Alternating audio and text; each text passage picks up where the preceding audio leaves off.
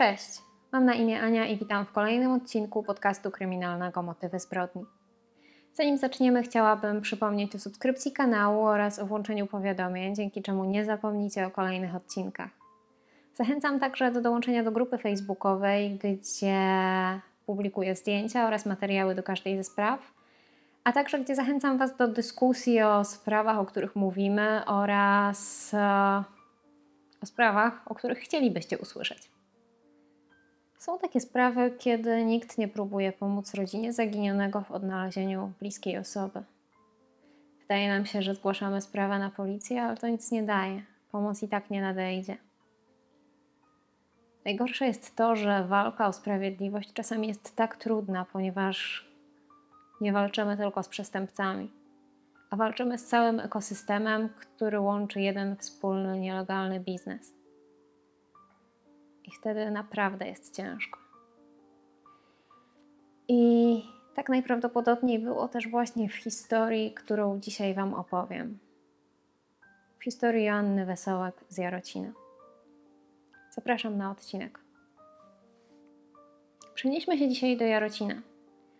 Miasta położonego w centralnej Polsce, w województwie wielkopolskim, 75 km na południe od Poznania i około 140 km na północ od Wrocławia.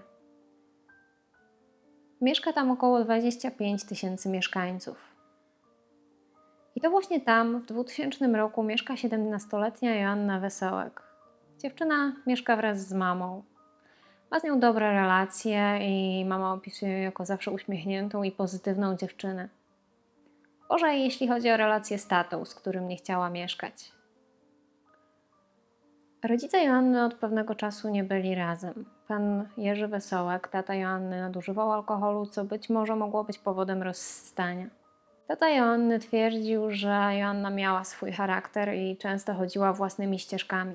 W pewnym momencie wpadła w złe towarzystwo i rzuciła szkołę, a on nie do końca to tolerował. Natomiast mama Joanny opisuje ją jako bardzo pozytywną, miłą dziewczynę. Mówi, że miała z nią bardzo dobry kontakt i Joanna zawsze mówiła jej o tym, że gdzieś wyjeżdża, wychodzi i też bardzo dużo czasu spędzały razem. Jest lato 2000 roku. 30 lipca 2000 roku wieczorem Asia wychodzi z domu. Dziewczyna od jakiegoś czasu ma pewien problem, a mianowicie dostaje listę z pogróżkami.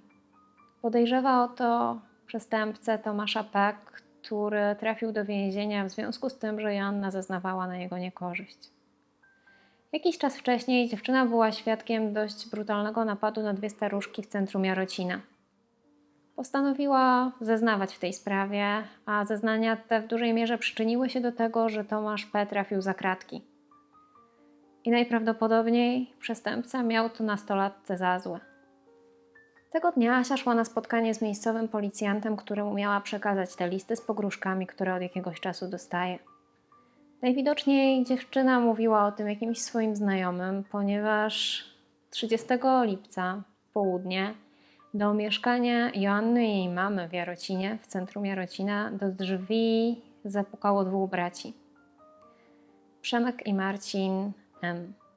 Bracia M powiedzieli Asi, aby wzięła listy z pogróżkami, które od jakiegoś czasu dostaje i zaniosła je tego dnia na komendę policji do funkcjonariusza Marka Esz. Mężczyzna miał czekać na Asię pod komendą policji po tym, jak skończy swoją zmianę i dlatego też powiedzieli dziewczynie, aby wyszła z domu po 22 i wtedy dojdzie tam o odpowiedniej porze. Mama Joanny jest pewna, że dziewczyna kierowała się w stronę komendy policji. Odprowadzała dziewczynę wzrokiem przez dłuższy czas, patrząc w oknie. Jednak na to spotkanie Asia nigdy nie dotarła i nigdy też nie wróciła do domu. Kiedy Asia nie wróciła do domu, jej mama postanowiła natychmiast zawiadomić policję.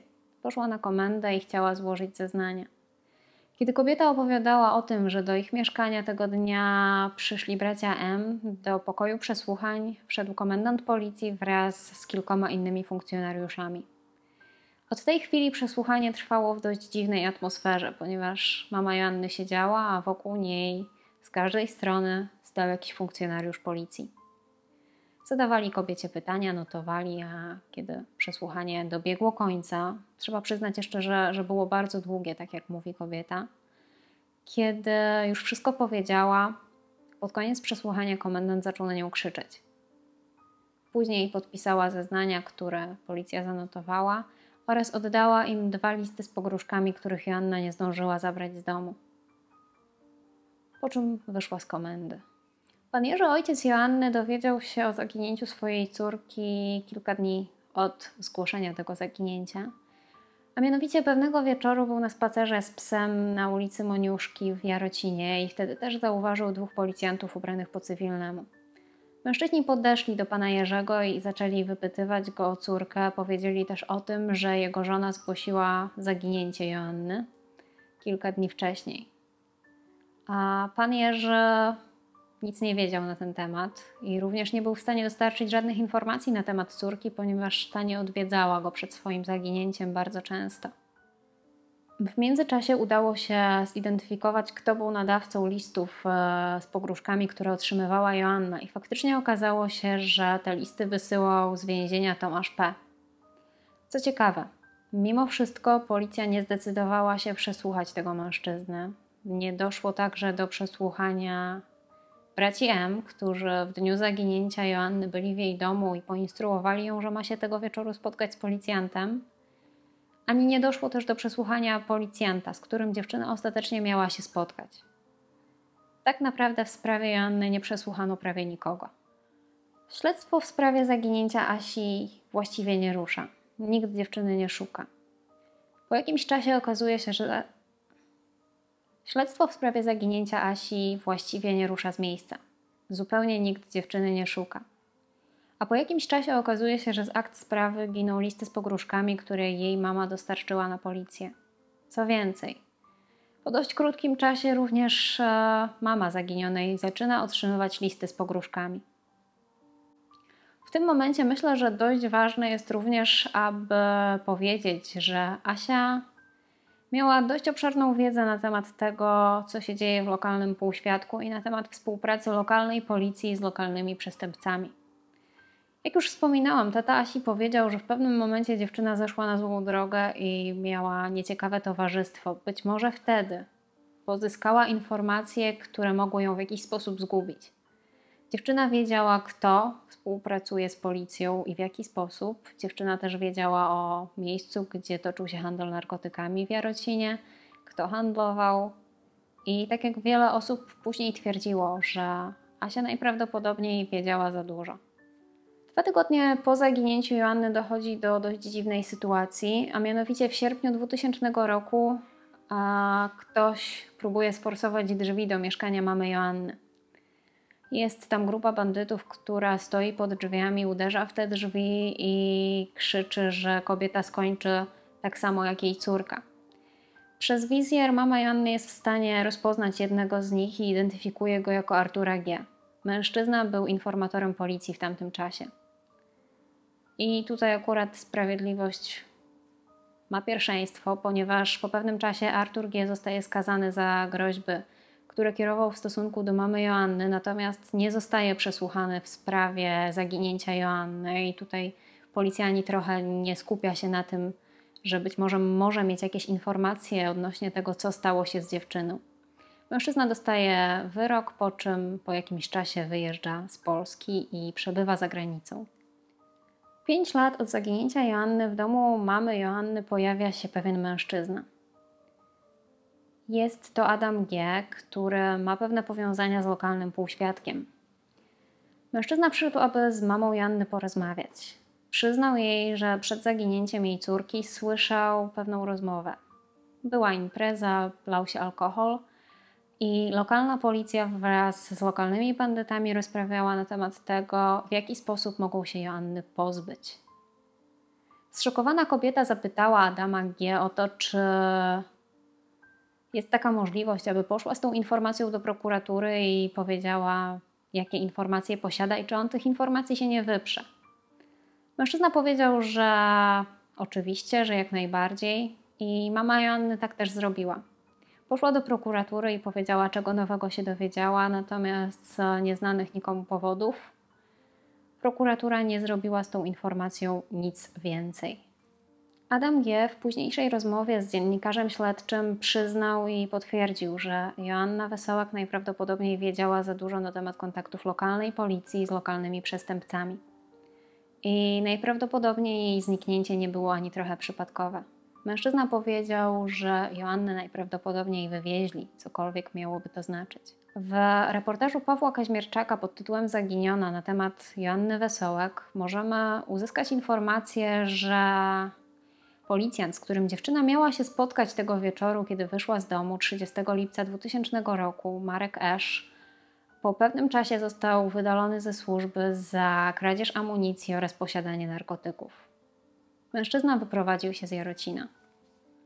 Z czasem wyszło także na jaw, że po jakimś czasie policja w Jarocinie otrzymała informację odnośnie tego, kto mógł być zamieszany w sprawę zaginięcia Joanny Wesołek i notatka taka została totalnie zignorowana.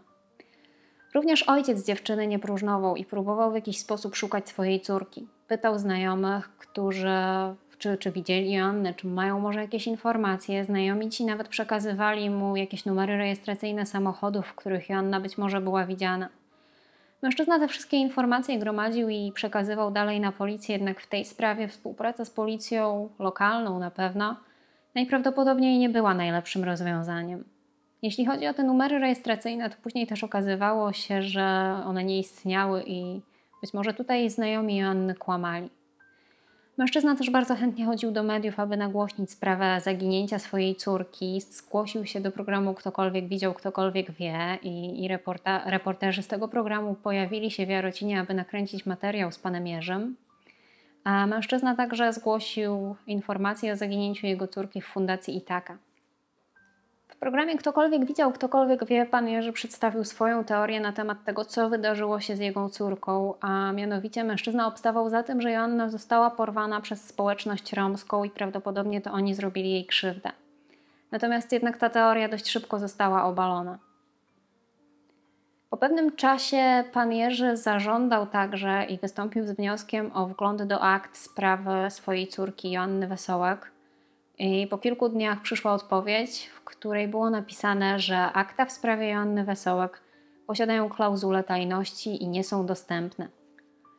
Pan Jerzy przez większość swojego życia walczył o to, aby dowiedzieć się, co się wydarzyło z jego córką, aby rozwiązać sprawę zaginięcia Joanny i uzyskać jakiś spokój.